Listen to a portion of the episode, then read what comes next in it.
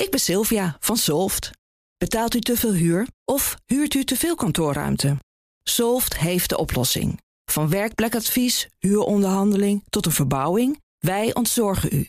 Kijk voor al onze diensten op soft.nl. BNR Nieuwsradio. The Big Five. Diana Matroos. Welkom bij BNR's Big Five, het Marshallplan. Juist nu is het belangrijk om na te denken over hoe we samen op de lange termijn uit deze crisis komen. Maar ja, hoe precies? En toen moest ik eigenlijk meteen denken aan hoe dat destijds na de Tweede Wereldoorlog ging met het Marshallplan. Het Amerikaanse hulpprogramma waar Nederland en Europa mee werden opgebouwd. En daarom wil ik heel graag weten hoe prominente Nederlanders uit het bedrijfsleven, bestuur en cultuur daarover denken. Hoe komen we sterker uit deze crisis. En vandaag heb ik weer een mooie gast. Het is het uh, boegbeeld van de werkgevers. En ze begon uh, vorig jaar februari als opvolger van Hans de Boer... op een wel heel bijzonder moment. Ingrid Thijssen, voorzitter van VNO-NCW, van harte welkom. Waar was je, weet je dat nog, waar was je toen dit moment duidelijk werd? Ja, goedemorgen. Leuk om hier te zijn. Ja, ik weet dat nog uh, heel goed. Het was 27 eh, februari. Was ik, smiddags ben ik toen benoemd tot uh, voorzitter door het, door het bestuur. En ik zou dan in de zomer het stokje overnemen van Hans de Boer.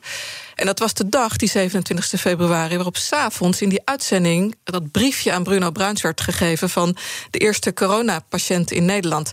Dus ik weet dat nog heel goed, ook omdat natuurlijk het gesternte waaronder ik ja had gezegd tegen deze baan totaal veranderde daardoor. Ja, en, en, en wat doe je dan op dat moment? En met, uh, ga je met Hans daarover praten? Hoe, hoe ontvouwt zich zo'n moment voor jou persoonlijk? Ik denk dat voor mij persoonlijk, net als voor andere mensen, we allemaal niet meteen in de gaten hadden van wat betekent dit wel niet. Dus dat kwam eigenlijk de weken daarna dat uh, het kwartje indaalt. En dat ik me echt wel op een gegeven moment realiseerde van holy shit. ik ben gewoon zo meteen VNO-NCW-voorzitter... in misschien wel de, de grootste economische crisis sinds de Tweede Wereldoorlog. Ik moest er echt wel even van slikken, kan ik je vertellen. Maar ja, daarna dacht ik, ja, nou ja, het is zoals het is. Um, en bovendien veel van de vraagstukken waarvan ik wist dat Nederland voor staat en waar we mee aan de slag moeten, die waren er voor corona ook al. En die zouden eigenlijk alleen maar uitvergroot worden door corona. Dus toen heb ik gedacht, nou ja. Ja. Nogmaals, het is zoals het is, aan de slag. En aan wie had je dan het meest? Met wie kon je echt, eh, want dit is natuurlijk een heel bijzondere rol in een hele bijzondere tijd. Met wie kon je daar het beste over praten? Nou, ik heb daar in die maanden, want toen was ik natuurlijk nog geen voorzitter. En ik was ook nog niet, zeg maar, uh, in de buurt van de Mali-toren, waar onze organisatie dan uh, zit in Den Haag. Ik heb daar eigenlijk vooral heel veel thuis met mijn echtgenoot Joost uh, toen over gesproken. En natuurlijk wel links en rechts met nou ja, mensen die het politieke landschap ook, ook uh, goed kennen. En natuurlijk heb ik er toen ook met Hans uh, over gesproken van ja, wat, dit, wat dit gaat betekenen. Ja, en hoe waren die gesprekken met Hans? Ik mis Hans nog steeds, ook persoonlijk. kijk, ik heb hem ja, hier ook geïnterviewd. En het is gewoon een heel gek idee dat hij er niet meer is. Maar hoe gingen die gesprekken met hem toen? Ja, ik mis hem ook nog steeds, kan ik je vertellen. Omdat het precies wat je zegt, het is zo'n unieke rol die ik nu mag doen in Nederland. Eigenlijk alleen je voorgangers snappen wat er, ja, hoe het echt is, zeg maar. Dus ik mis hem ontzettend. Ik denk met enige regelmaat, denk ik, oh, nu zou ik eigenlijk even Hans willen bellen, of ik zou hem iets willen vertellen of raad vragen. En ik moet zeggen, ja, de samenwerking met Hans was, uh, was fantastisch. Um, ja, ik, ik, ik mis ook heel erg zijn humor. Ja, ja, dat was echt een eh, man ook die recht uit het hart ook dingen zei. En dat was altijd uh, fantastisch om met hem over bepaalde dingen te praten. Want als je dan zegt van, ik had hem wel eens willen bellen, raad over dingen willen vragen. Wat, wat zijn dan de dingen waar je hem raad zou willen vragen, ook als het gaat om jouw zorgen die je nu echt hebt? Kijk, een van de dingen die Hans een aantal keer tegen mij heeft gezegd eh, is goh, Ingrid, er is echt een verschil tussen de werkelijke werkelijkheid en de politieke werkelijkheid. En daar krijg je mee te dealen. En dat is ingewikkeld. En um, nou, dat, dat dat merk ik nu ook, hè, dat dat zo is. Dus dat, dat vind ik ook ingewikkeld. En een van de dingen waar ik nu ongetwijfeld wel eens met hem over gebeld zou hebben, is natuurlijk het hele herstel na corona. er wordt nu een beetje gedaan alsof we vanaf, eh, nou ja, als de terrassen weer open zijn, of dat we dan in de roaring twenties terechtkomen en dat het met de economie allemaal vanzelf in een hoog tempo weer goed komt. Maar dat is natuurlijk niet zo. De economie, onze economie, blijft daar nog jaren last van hebben.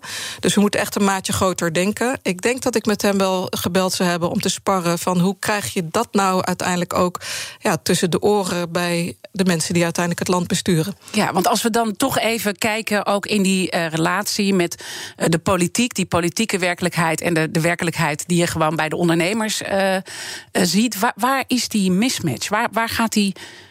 Laten we alleen al eventjes het VVD-verkiezingsprogramma nemen. VVD, de partij van de ondernemers, die gewoon het bedrijfsleven toch best wel pittig willen aanpakken. Als je kijkt naar de lijn die ze vroeger hebben gevaren. Ja, dus daar, daar, zitten, daar zitten natuurlijk uh, op de een of andere manier zijn er spanningen in gekomen. Dat is ook de reden dat uh, al een jaar of twee geleden VNO-NCW en overigens onze zusterorganisatie MKB Nederland eigenlijk bezig zijn gegaan met een, nou ja, je zou zeggen, een, een proces van zelfreflectie. Van goh, wat, wat is er nou aan de hand, zeg maar, in de samenleving? Hebben we duizenden ondernemers over gesproken en geënquêteerd. Dat is het brugproject. Ja, dat is het zogenaamde brugproject. En daaruit hebben we toen een aantal conclusies uh, getrokken over dingen die er gewoon in de samenleving eigenlijk niet goed zijn. En waar het bedrijfsleven ook meer in kan, uh, in kan betekenen. En ik denk dat dat, uh, en dat is uiteindelijk de basis van de nieuwe koers van, van onze twee organisaties. Ja, oké, dus, dus uh, daar, daar zijn jullie mee uh, bezig geweest. Maar ik ben toch op zoek van die match met de politiek. Hè. Je zegt zelf, je hebt die politieke werkelijkheid... en je hebt de, de werkelijkheid uh, die je daarnaast ziet in het echt... bij die ondernemers. En die, die sfeer tussen beiden is niet lekker. Laat, laat, laat ik anders een concreet voorbeeld pakken. Vlak voor dat derde herstelpakket... heb jij een aantal keer om schorsing gevraagd. Dat ja. is een moment dat jij het op de spits drijft, denk ik. Ja omdat jij uh, heel erg gecommit bent, ook naar die uh, ondernemers. Uh, je staat voor die werkgevers. En dat je zegt van tot hier en niet verder. Want dit was wel echt een primeur dat dit gebeurde. Drie keer achter elkaar. Ja. Ja, kijk, ik denk dat dat niet zozeer te maken had, eerlijk gezegd, dat moment met, met, met spanningen tussen politiek en bedrijfsleven of perceptie vanuit de politiek naar het bedrijfsleven, maar meer uh, van goh, ja, het, het, kost wel een boel geld. Mm um, wat, ik ook, wat ik overigens ook, uh, ook begrijp. Maar uh, nou, je hebt wel een punt, Diana, als je zegt: goh, ja, hadden ze dan voldoende op hun netvlies hoe heftig het in de werkelijkheid, in de praktijk van die ondernemers echt toen was en overigens nog steeds uh, is. Dus dat is ook inderdaad het punt wat ik toen heb gemaakt. Van ja, weet je, het is echt een sociaal drama voor heel veel ondernemers. Hè. Je moet je voorstellen, al die maanden dat ze zwaar getroffen zijn of zelfs gesloten zijn, hebben ze, geen, uh, hebben ze wel steun gekregen, maar dat is nog niet eens kostendekkend. Dat was het op, op dat moment al helemaal niet. Dat betekent dat er dus vanuit hun, eerst vanuit het bedrijf, maar daarna ook vanuit eigen privé spaartegoeden, pensioentegoeden bijgestort is om dat bedrijf uh, overeind te houden ja, weet je, het, is het water echt, echt stond en staat overigens aan de lippen. En daar, ja, daar moest meer begrip voor zijn. En ja, daar ben ik dan ongelooflijk gepassioneerd over, dan wil ik dat ook voor elkaar krijgen. Mm -hmm. Want hoe erg is het, want je schetst al een beetje hoor, uh, maar hoe erg is het in ondernemend Nederland? Hè? Want we zien natuurlijk uitschieters van bedrijven die het ontzettend goed doen. Uh, neem een bedrijf als Aal de Hezen, maar je ziet ook heel veel bedrijven, het water staat uh, aan de lippen. En, en, en, en er komt nog heel veel ellende, denk ik, aan. Ja, er zijn eigenlijk drie categorieën. Dus er zijn bedrijven waar het goed mee gaat. Nou ja, en gelukkig maar, hè, want, want uiteindelijk hebben we ook bedrijven waar het goed mee gaat nodig voor herstel van de economie. Want die moeten kunnen investeren. Dan heb je een groep die echt heel zwaar getroffen is, die het ongelooflijk moeilijk hebben. Je hebt nog een soort tussencategorie. Dat zijn eigenlijk bedrijven die misschien geen noodsteun hebben aangevraagd. Dus die, ja, die zijn dan niet zo heel erg in beeld bij deze en gene beleidsmakers. Maar die hebben wel ook een serieuze omzetverlies gehad. En dat gaat ook nog enorm uh, doortikken de komende, de komende jaren. En, en ik denk bij ondernemers, eh, je wil altijd zelf je broek ophouden. Uh, je gaat ook niet uh, naar buiten toe uitstralen, het gaat niet goed. Want dat is natuurlijk ook niet goed voor het imago van je bedrijf. Dus komt er nog echt een hoop ellende op ondernemend Nederland af... als straks echt het net wordt opgehaald? Ja, dat eh, denken wij wel. Er zit ongelooflijk veel financiële problematiek bij, uh, bij ondernemers. Hè. Dus bij die twee groepen, die heel zwaar getroffen ondernemers... en degene van wie het misschien niet zo ziet, maar die wel getroffen zijn. Ik vind dat mijn collega van MKB Nederland, Jacco Vonhoff... het ook altijd wel mooi zit, zegt van... goh, ondernemers ja, die lijden in stilte, die zullen dat niet zo snel zeggen. Hè, want dat zijn natuurlijk mensen die altijd ja, ervoor gaan... en proberen te zorgen dat, dat het allemaal goed komt. Nou ja, en je wil ook niet dat, dat mensen denken dat je failliet uh, dreigt te gaan dat niet. niet nee, nee, nee, precies. Dus daar heb je ook nog in die zin heb, je ook nog, heb je ook nog een belang om daar, daar niet echt iets, uh, iets over te zeggen. Maar wat er dus, dus belangrijk is nu voor, voor herstel, is aan de ene kant dat ondernemers die heel zwaar getroffen zijn, echt op de been geholpen worden. Nou, dus dat gaat over de schuldenberg die ze hebben. Dat gaat overigens ook noodsteun na 1, uh, 1 juli, als de pakketten van nu af, aflopen. Het gaat ook over eigen vermogen. Maar dat gaat ook ze helpen om weer te investeren. Maar het gaat ook over wat langjariger kijken hoe zorg je nou dat ook die bedrijven die uh, nou, die het goed doen, maar ook die zeg maar een beetje die tussencategorie, die wel geraakt zijn, maar niet zo heftig dat ze noodsteun hebben aan hoeven vragen, dat die ook hun rol kunnen spelen in het herstel van de economie. En dat betekent bijvoorbeeld dat alle plannen die er nu op tafel liggen vanuit de verkiezingsprogramma's die ook voor de tweede coronagolf zijn gemaakt, dat um, daar zitten allemaal lastenverzwaringen in. Ja, dat moet je gewoon natuurlijk niet doen. Dat hebben nee. we ook van de financiële crisis wel geleerd.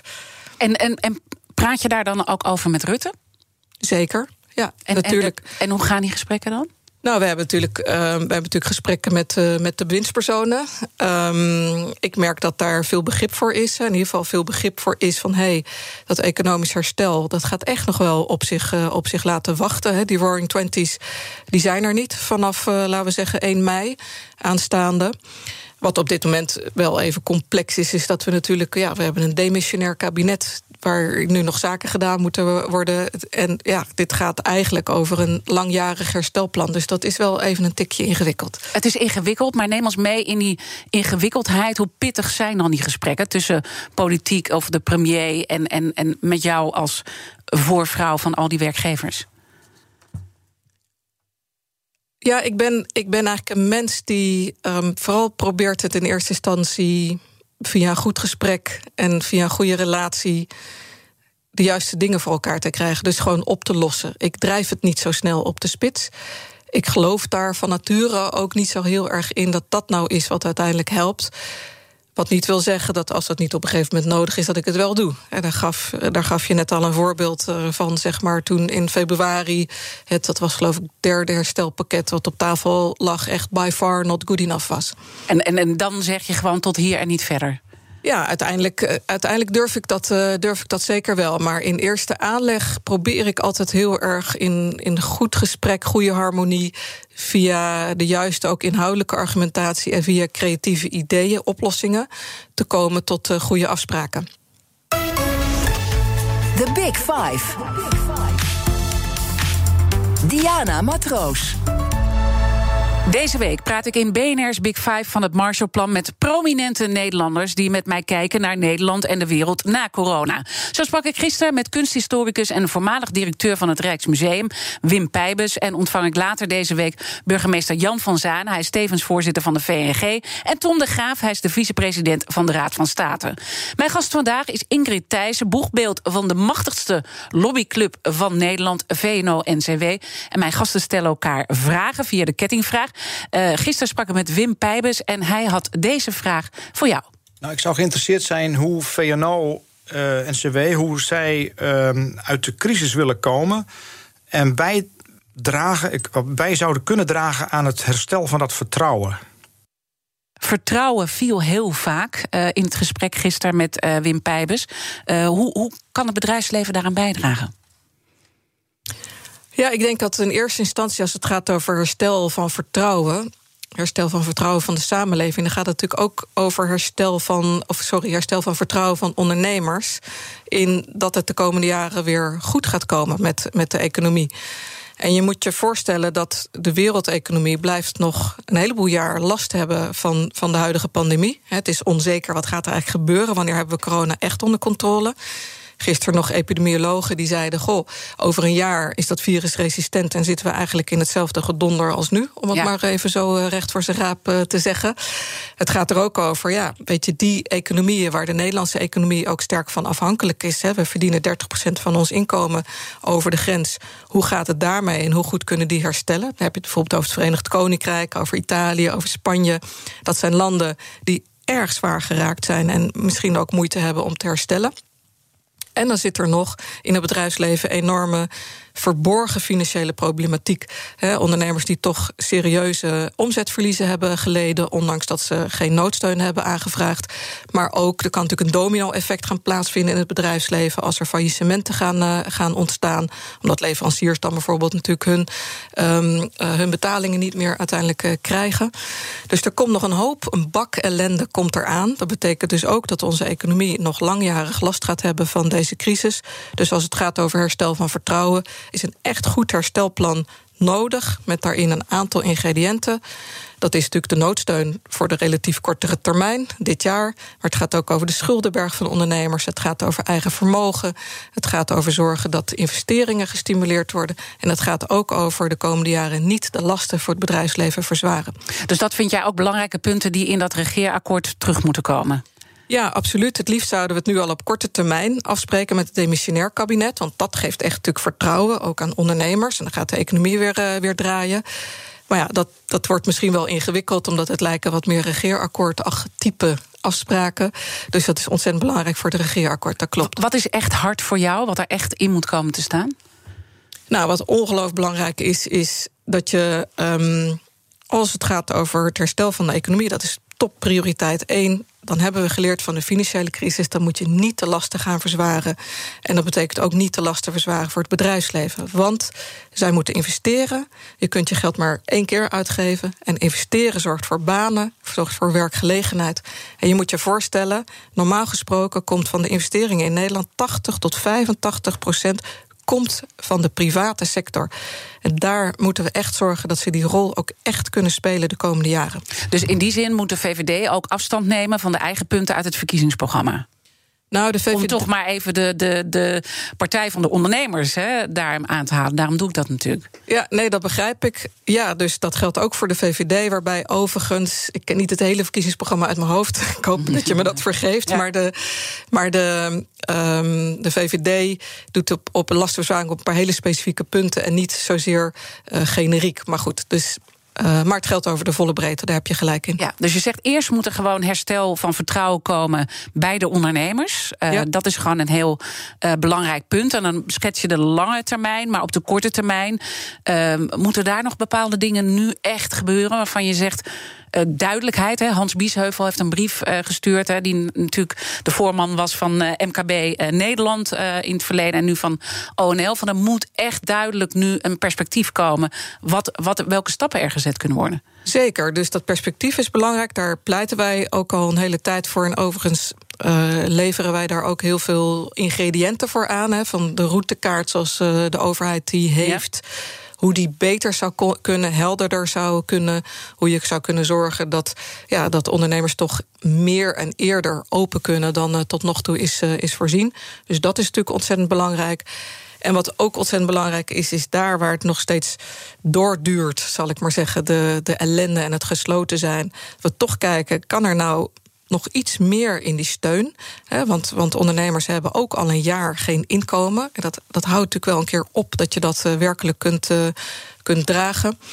En wij denken dat het goed zou zijn om voor, ja, ik noem het maar even, schrijnende situaties te kijken, kunnen we bijvoorbeeld met het terugbetalen van, van uh, uiteindelijk steun die te veel is uitgekeerd, kunnen we zorgen dat daar bijvoorbeeld een pauze komt en vervolgens uh, de overheid ja, ook de menselijke maat in, in wat gebeurt er uh, met de schuld van die ondernemer toe kan passen. Omdat je eigenlijk zegt, er komt nog heel veel aan. Hè? Dat, dat is elke keer wat je benadrukt. Het lijkt ja. allemaal misschien nog wel redelijk goed te gaan, maar dat is niet de realiteit. Nee, en bijvoorbeeld dat zie je ook. Hè, er is net onderzoek van PwC verschenen daarover. Maar ook Atradius, de kredietverzekeraar, die voorspelt 44% meer faillissementen.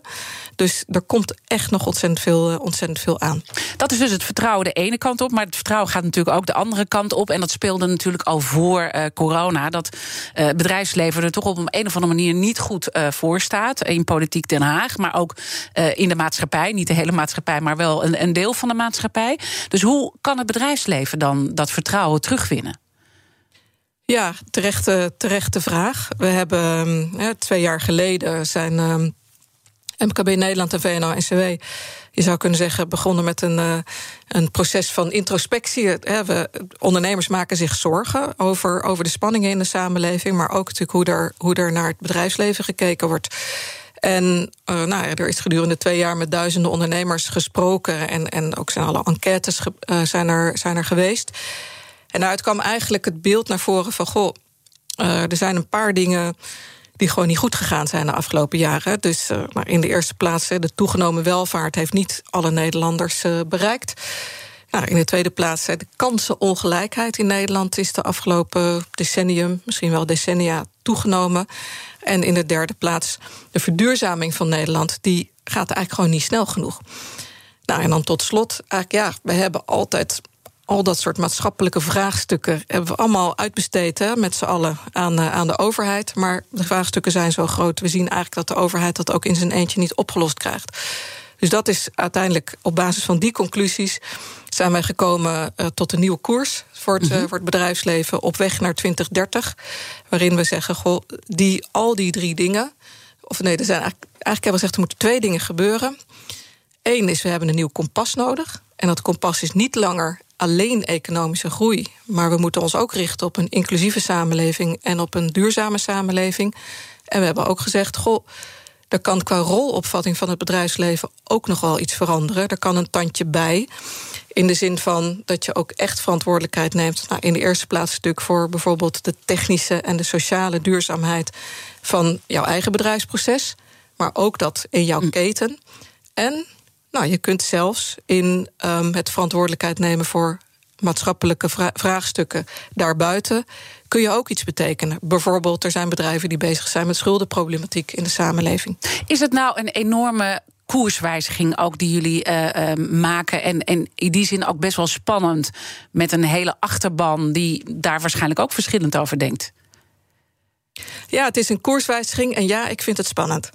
Um, Kijk, ik voel me enorm gesteund. Dat ook. Hè, doordat ik weet dat we deze koers hebben echt gebaseerd op nou ja, al die gesprekken en onderzoeken onder duizenden ondernemers. Dus daar voel ik me absoluut door gesteund. Neemt me niet weg dat het natuurlijk ook spannend is. Want als je dit zegt, ja, zul je ook uh, het moeten gaan laten zien. Nou, natuurlijk is dat spannend. En daar zit ook wel een spanning uh, realiseer ik me met dat natuurlijk, nou, we gaan eigenlijk, je zou kunnen zeggen, een groenere en socialere koers uh, varen. Maar het zal ja, voor, voor als het gaat over de milieubeweging, als het gaat over groen en voor vakbonden als het gaat over sociaal. Ja, het zal nooit genoeg zijn. Dus je zult er ook altijd op aangesproken worden dat het niet genoeg is. Dus dat is ook spannend. Nou ja, ik kan me ook voorstellen naar die achterban toe, waar je eigenlijk nu uh, schetst hoe groot die problemen nog zijn die op ons afkomen. Dat die ook denken: ja, moeten we dit nu allemaal gaan doen? Dit is niet de tijd om dit te doen. Dat klopt. We hebben ook best wel zitten aarzelen van gaan we nu met die koers naar buiten. Uh, juist in dit, uh, ja, deze enorme heftige coronatijd. En uiteindelijk hebben we gezegd, overigens ook in overleg met onze achterban... ja, dat gaan we wel doen. Want het is en-en. Het is en nu zorgen dat we echt gaan voor economisch herstel... en dat we die ondernemers uh, die, die het zo zwaar hebben... dat we die terug op de been helpen. En we moeten met elkaar ook koers geven, koers wijzen richting 2030... Want ook daarin moet de komende jaren, ook in een nieuw regeerakkoord, ontzettend veel gebeuren. Want anders halen we ook onze doelstellingen in 2030 niet. Dus nou, daarom hebben we Gezegd, enige aarzeling... We toch door. We gaan dat toch nu doen. Uh, laten we dan straks uh, mijn gasten in BNR's Big Five uh, van het Marshallplan voor de mensen die net inschakelen, wellicht, is Ingrid Thijssen, de voorzitter van VNO-NCW. En straks in het tweede deel van ons gesprek gaan we echt wat specifieker in op die koerswijziging als het gaat om duurzaamheid, als het gaat om de arbeidsmarkt, als het gaat om kansenongelijkheid. Wat gaan jullie nou concreet doen? Waar zit de spanning? En gaat het allemaal ver genoeg? Tot. BNR Nieuwsradio. The Big Five. Diana Matroos. Welkom bij het tweede halfuur van BNR's Big Five van het Marshallplan. Fijn dat je weer naar ons luistert. Deze week vraag ik me af, hoe moeten we Nederland en de wereld nou opnieuw vormgeven na de coronacrisis en hoe doen we dat samen? Mijn gast vandaag is Ingrid Thijssen, voorzitter van de invloedrijkste club van Nederland, VNO-NCW. We hebben net uh, met elkaar in het eerste deel gesproken over het herstel van vertrouwen, ook richting de ondernemers, wat je belangrijk vindt om voor die ondernemers te regelen. Maar we waren eigenlijk net op het punt uh, met de nieuwe visie die jullie hebben gepresenteerd Waarvan je zei, dat vond ik ook best wel spannend om daarmee uh, te komen. En van ondernemers ook medeverantwoordelijkheid uh, te vragen als het gaat om de grote problemen die we ook maatschappelijk gezien uh, in Nederland hebben. Laten we nu even concreet die punten aflopen. Te beginnen bij kansenongelijkheid. Waarom was het belangrijk voor jullie om te zeggen, die kansenongelijkheid moeten wij ook aanpakken als MKB Nederland, als VNO-NCW, de hele club bij elkaar? Omdat je uiteindelijk met elkaar, iedereen, dus burgers, ondernemers, uh, politici, je wilt um, in een fatsoenlijk land le leven. Je, je wilt ook dat we straks een land overdragen aan toekomstige generaties. Waar, um, waar het sociaal goed toeven is en waar ook. Um, waar, ook, waar ze op een duurzame manier ook in hun welvaart en over hun welzijn kunnen voorzien. Dus ik denk dat dat dat, dat is wat ons, uh, wat ons bindt. Mm -hmm. uh, spanningen in de samenleving, daar maken we ons allemaal zorgen over. Ondernemers ook. Dus er moet wat gebeuren en dat gaat onder andere over kansenongelijkheid. En is dat dan ook iets, eh, die kansenongelijkheid, die ook zorgt voor bepaalde polarisatie in de samenleving, wat een heel slecht klimaat is om ook in te ondernemen? Ja, natuurlijk. Kijk, een, een, samenleving met spanningen of, of over zijn planeet die we uitputten, maar daar komen we denk ik straks Zeker. nog wel op. Ja. Weet je, daar, daarin kan een bedrijf ook niet floreren. Daarin kan een ondernemer ook niet floreren. Dus uh, natuurlijk is dat, uh, dat belang is er absoluut ook. Maar wat kan je dan daaraan doen, uh, vraag ik me vervolgens af, aan die kansen als bedrijfsleven? Ja, wij hebben eigenlijk in onze nieuwe koers hebben we gezegd van nou, er moeten in ieder geval uh, twee dingen zijn ontzettend belangrijk die er, die er gaan, moeten gaan gebeuren in Nederland. In de eerste plaats, Nederland moet veel meer investeren in het funderend onderwijs. Dus basisonderwijs, de basisschool, maar ook het voortgezet uh, onderwijs. Je ziet ook, ik zat er toevallig gisteravond nog even naar te kijken, de laatste OESO-meting op dat gebied. Daarin is Nederland op alle fronten rekenen, of nee, wiskunde, lezen, schrijven, is de kwaliteit van ons onderwijs, het niveau van onze kinderen, is gewoon bezig met een al jaren, met een enorme daling. Ja, en we weten ook dat funderend onderwijs, als het gaat over kansengelijkheid, dat dat het allerbelangrijkste is. Dat dat het meeste verschil maakt. Dat je goed onderwijs hebt gehad en dat je goed opgeleid uiteindelijk van je voortgezet onderwijs eh, afkomt als, uh, als mm -hmm. kind. Dus wij zeggen, daar moet echt in geïnvesteerd worden. We hebben ook een investeringsagenda, komen misschien zo meteen nog op. En dan zie je ook dat dat uiteindelijk ook leidt tot bijvoorbeeld meer economische groei. Dat heeft nou Nederland namelijk ook uh, nodig. Maar, um, en wat kunnen bedrijven daar zelf in doen? Nou, wat belangrijk is voor de toekomst, of voor het toekomst, toekomstig duurzaam verdienvermogen van Nederland, is ook dat er veel meer liefde voor tech en voor techniek komt. Beta. Daar is Nederland notoir slecht in. En dat, dus maar het staat ook al heel lang op de agenda. Hè? Ik bedoel, ja, dus klopt, het lukt klopt. maar niet om dat voor elkaar te krijgen. Het is echt interessant hè, dat er is geen land ter wereld waar zo weinig kinderen uiteindelijk kiezen voor een beta-opleiding als Nederland. En wat het bedrijfsleven daarin kan doen, want daar vroeg je naar, is bijvoorbeeld helpen met techniekonderwijs. Helpen met gewoon letterlijk Bijvoorbeeld monteurs ook opleiden, zodat ze een dag in de week of een dag per kwartaal kan mij.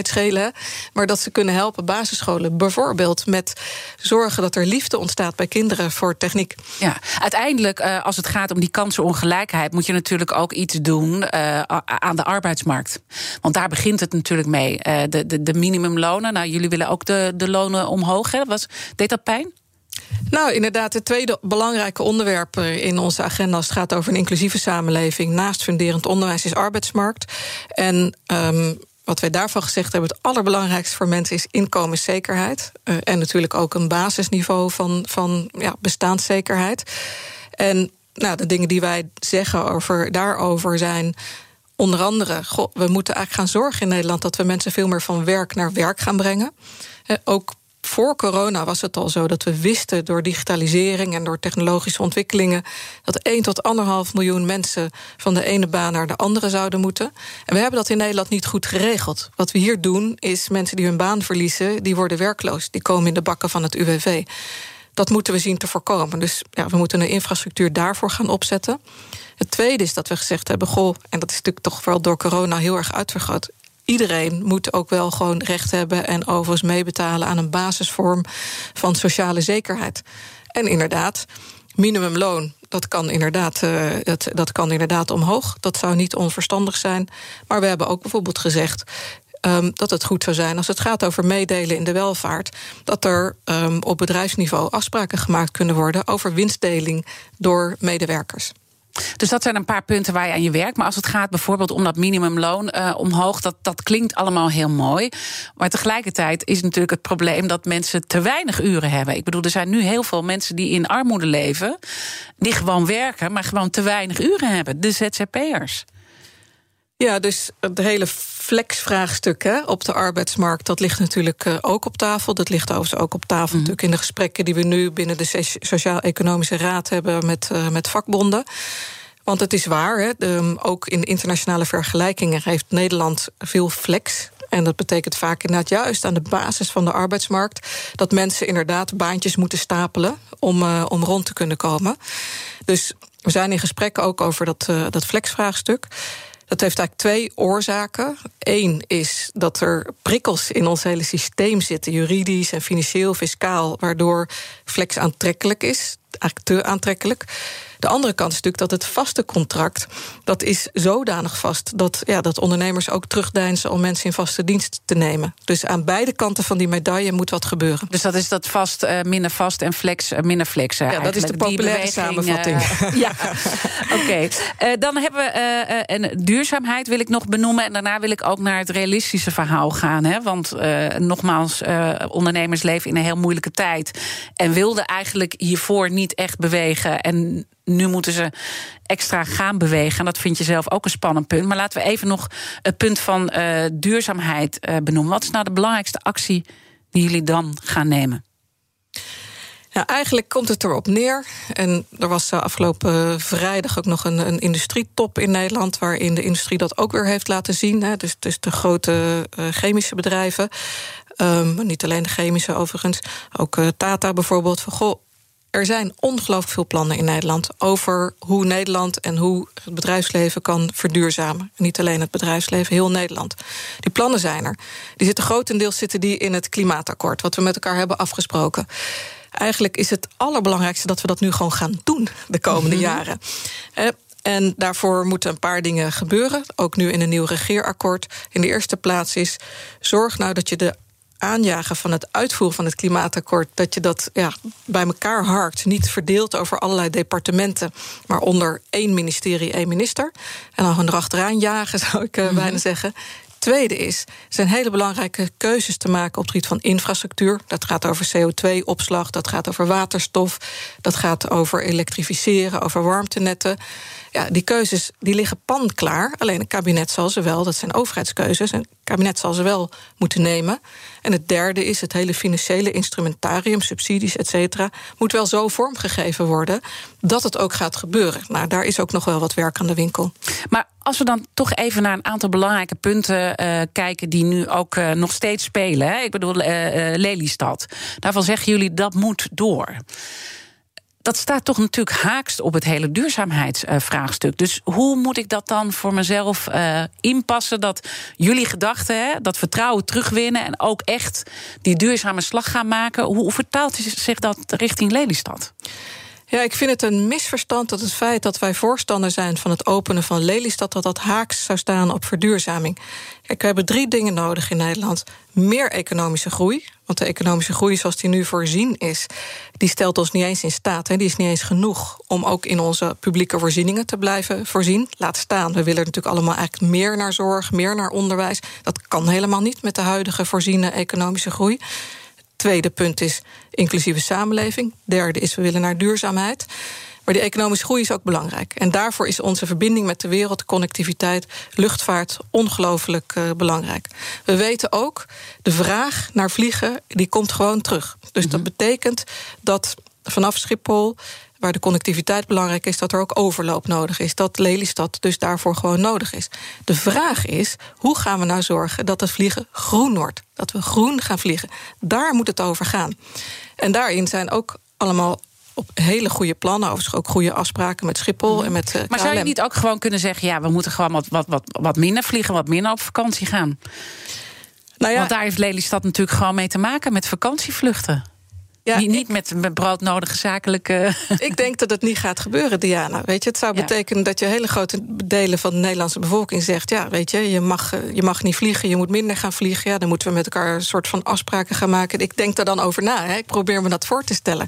Gaan we dan zeggen dat, je, dat iedere Nederlander x airmiles mm heeft of zo per jaar? Weet je, hoe, hoe ga je dat dan doen? Ja. Dus ik, ik zie het gewoon niet zo heel erg voor me. Dus maar volgens het mij kan ook een, een, een statement zijn om, uh, uh, want het groen vliegen, wat je zegt, dat gaat nog heel lang duren voordat die transitie voor elkaar is natuurlijk. Dus dan nu uitstralen als zakelijk Nederland, we willen toch dat Lelystad er komt, dat, dat voelt gewoon toch niet oké. In, in, in wat jullie zelf naar buiten brengen. Ja, ik begrijp dat, begrijp dat je dat zegt. En tegelijkertijd uh, is het ook, denk ik, een te, te eenvoudige conclusie. Waar het om gaat is groen vliegen. En waar het mhm. om gaat is dat Nederland juist een koploperspositie zou moeten willen krijgen. En dat, die, daar staan we ook goed voor opgesteld. Om bijvoorbeeld te gaan zorgen dat de biofuels die straks nodig zijn voor groen vliegen, dat we die in Nederland gaan maken. Dat wij daar koploper in worden. Ja, dat, dat snap ik en dat is ook belangrijk. Maar je zou ook kunnen zeggen, joh, uh, we gaan nu niet. Uh, waarom is dat Lelystad dan toch zo belangrijk om te laten plaatsvinden? Want je zegt dan, ja, we, het zakelijk verkeer is natuurlijk ook super belangrijk. Daar zit een enorme druk op. Maar ja, ik, ik hoor heel veel bedrijven die zeggen, joh, we hebben mega in die transportkosten geschrapt en we gaan helemaal niet meer terug naar het oude het, zal altijd, het zal absoluut een aantal jaar duren hè, voordat het vliegen uh, terug is op het uh, niveau van uh, voor corona. Misschien daar ook wel, wel overheen gaat. Nou ja, dat is denk ik een perfecte periode om met elkaar ook te werken aan juist die vergroening van het vliegen. En het zorgen dat mhm. we de biofuels, dat we de industrie in Nederland gaan zorgen dat die dat gaat doen. En dat we daar onze assets zoals Schiphol en KLM ook juist voor gebruiken. Maar, maar snap je, uh, ik probeer gewoon te denken: oké, jullie hebben echt gezegd van we willen echt iets bijzonders doen. Ook in deze crisistijd zetten we dat door. Om te zeggen, we gaan keihard uh, voor die duurzaamheid. En dat dit dan toch heel gek uh, voelt met allerlei mooie plannen op de lange termijn. Met dat bio, biofuel. En uh, we kunnen groener gaan vliegen, maar we weten allemaal dat het heel lang gaat duren. Terwijl je ook zou kunnen zeggen: we gaan gewoon nu zeggen stop en niet verder. En we gaan hier niet, niet mee door. Ik begrijp dat heel goed. Dus ik begrijp dat sentiment. En tegelijkertijd denk ik, uh, het is ook een te eenvoudige conclusie. We mhm. hebben alle drie nodig. En economische groei, duurzaam. En inclusiviteit en duurzaamheid. BNR Nieuwsradio. The Big Five. Diana Matroos. Je luistert naar BNR's Big Five van het Marshallplan. Mijn gast is Ingrid Thijssen, voorzitter van VNO-NCW. Eh, we waren bij het punt van duurzaamheid gekomen... en het concentreerde zich heel erg op het vliegen. Maar een ander belangrijk punt is uh, natuurlijk stikstof. En uh, dat is een punt waarvan jij hebt gezegd eerder... dat wordt nogal onderschat. Ja, dat klopt. Uh, ik denk dat weinig Nederlanders zich realiseren hoe groot het stikstofprobleem eigenlijk is.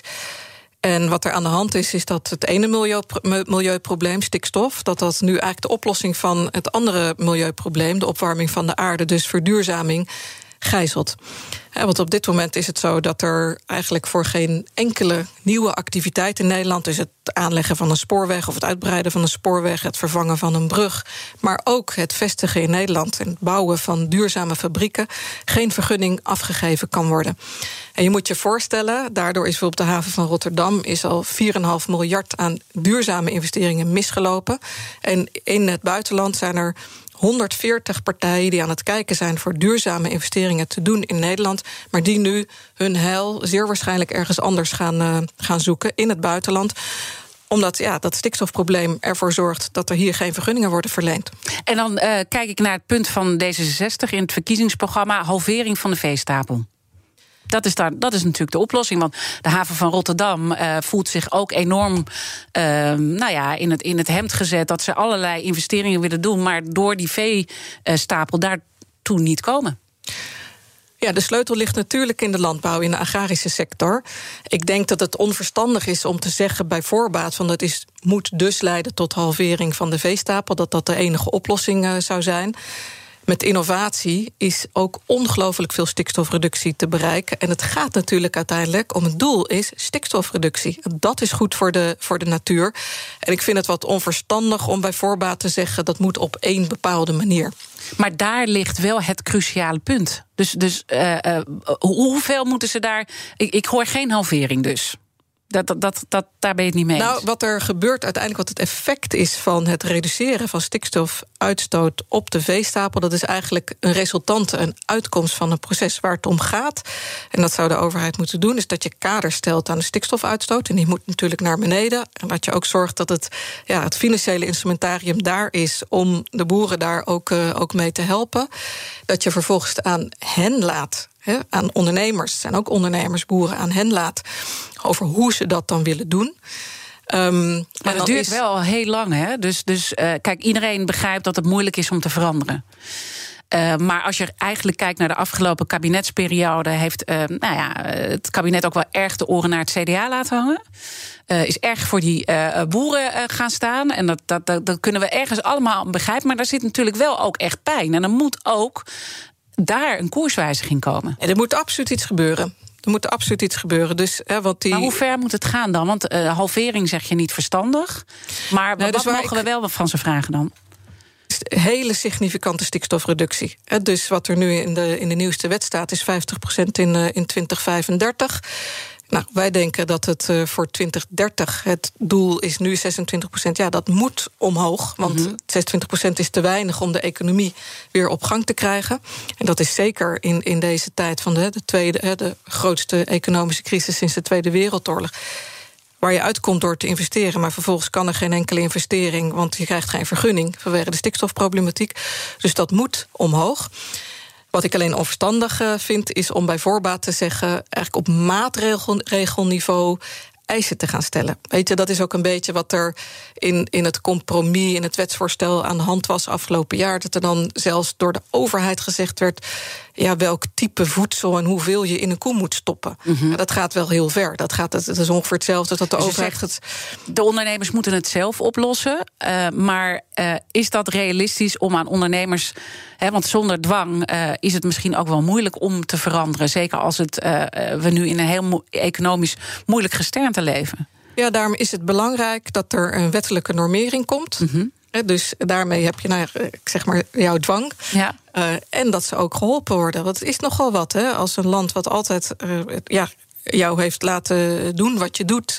en dat toegestaan heeft, nu ineens zegt: ja, hallo, uh, het moet anders. Ik, ik zit ja. soms ook te denken: we kunnen ook zeggen in het kader van de woningnood. dat iedereen die een huis heeft met meer dan 100 vierkante meter. er een extra gezin bij moet laten inwonen. Dat doen we ook niet. Mm -hmm. dus Laat het aan de boeren, maar zorg voor een goed normenkader en goed financieel spanning die je eerder, hè, want je zei, we vonden het best wel spannend om met deze koerswijziging uh, te komen, waar je dus uh, echt keihard wil inzetten op een aantal punten, maar dan blijkt het in de praktijk toch moeilijk te zijn om echt keihard te zijn. Hè, als het gaat om het, om het vliegen wat we eerder hebben benoemd, als het gaat om de veestapel halveren, dat, dat gaat dan allemaal net nog te ver. Uh, als het gaat over de topsalarissen, ik bedoel, Ahold Delhaize, enorm salaris salaris-issue wat daar weer uh, voorbij uh, komt met de topsalaris. Is, is dat de spanning die jij ook achter de schermen moet uitvechten?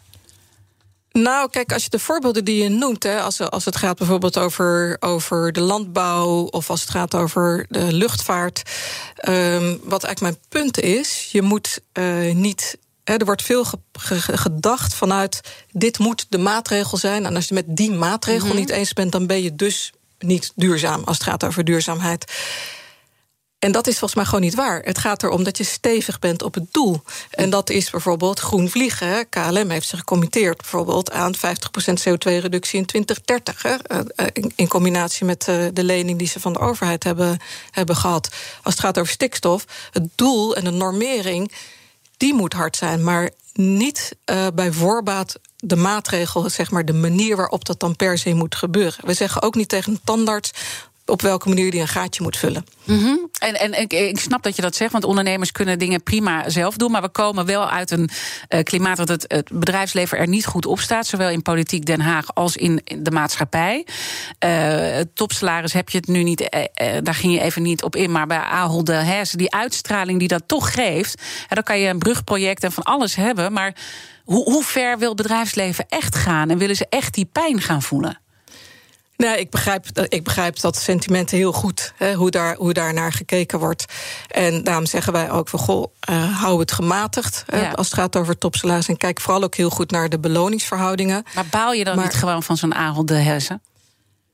Ja, ik denk dan wel op zo'n moment van... goh, ja, dit helpt niet in het sentiment over waar we, waar we mee bezig zijn. En tegelijkertijd, hè, uh, wat natuurlijk veel belangrijker is in onze nieuwe koers, als het gaat over inkomens, dan zeggen we natuurlijk: heet je minimumloon omhoog, winstdeling.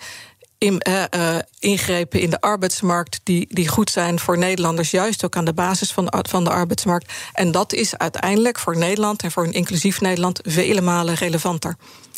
Uh, mijn gasten stellen elkaar vragen. En die kettingvraag gaat natuurlijk ook weer door naar de gast uh, van morgen. Morgen praat ik met Tom de Graaf, vicepresident van de Raad van State. Wat zou je hem willen vragen? Ja, eigenlijk zou ik een beetje een voor de hand liggende vraag willen stellen aan Tom de Graaf. Namelijk, wat kan nu de Raad van State, maar misschien meer in algemene zin de rechtspraak, de rechterlijke macht, betekenen als het gaat over herstel van vertrouwen? Want daar zijn natuurlijk links en rechts de afgelopen tijd ook wel wat uh, deukjes in geslagen. Neem bijvoorbeeld de toeslagenaffaire. Ja. Mooie vraag, die ga ik hem uh, zeker stellen uh, morgen. En dat vertrouwen kwam in ons gesprek natuurlijk ook veelvuldig terug. Wat voor advies zou je hebben als het gaat om werken aan vertrouwen? Misschien aan Tom de Graaf of voor wie dan daar ook mee bezig is? Want jij bent er nu een jaar mee bezig. Nou, een half jaar pas, hè? Ja, officieel. Uh, maar, ja, maar, maar, een jaar ehm, geleden begon je natuurlijk wel achter de schermen. Ja, ik denk dat het, maar dat is een heel algemeen antwoord wat ik ga geven. Dat als het gaat over herstel van vertrouwen, dat het ontzettend gaat helpen als we met elkaar niet alleen maar steeds het vergrootglas leggen op wat er niet goed gaat, maar dat we vooral ook heel erg kijken naar wat er wel goed gaat. Want hebben we een afrekencultuur in Nederland? Ja, dat vind ik wel. Ik denk dat het in de hele wereld zo is. Maar er is enorme focus altijd op wat er niet goed gaat. En als je dat alsmaar uitvergroot, dan voedt dat in mijn beleving toch echt het wantrouwen. Dank uh, dat je hier wilde zijn. Ingrid Thijssen, voorzitter van VNO-NCW. En natuurlijk zijn alle afleveringen van BNR's Big Five zoals altijd terug te luisteren. Je vindt de podcast in de BNR-app en op bnr.nl. Maar blijf de hele dag live. Straks Iman Verrips met het uh, uh, BNR Breekt programma. En ook daar weer een heel interessant topic, kernenergie. Dus ga zeker luisteren. En ik wens iedereen ook een hele mooie, gelukkig zonnige dag weer. De mensen van Aquacel houden van zacht. En dat merk je aan alles. Dankzij hen hebben we nu echt zacht water en een kalkvrij huis. Voor hun klanten zijn ze zacht. Dat zijn ze trouwens ook voor elkaar. Voor ons zijn zij de kracht van zacht. Aquacel. 100% zacht water, 100% kalkvrij.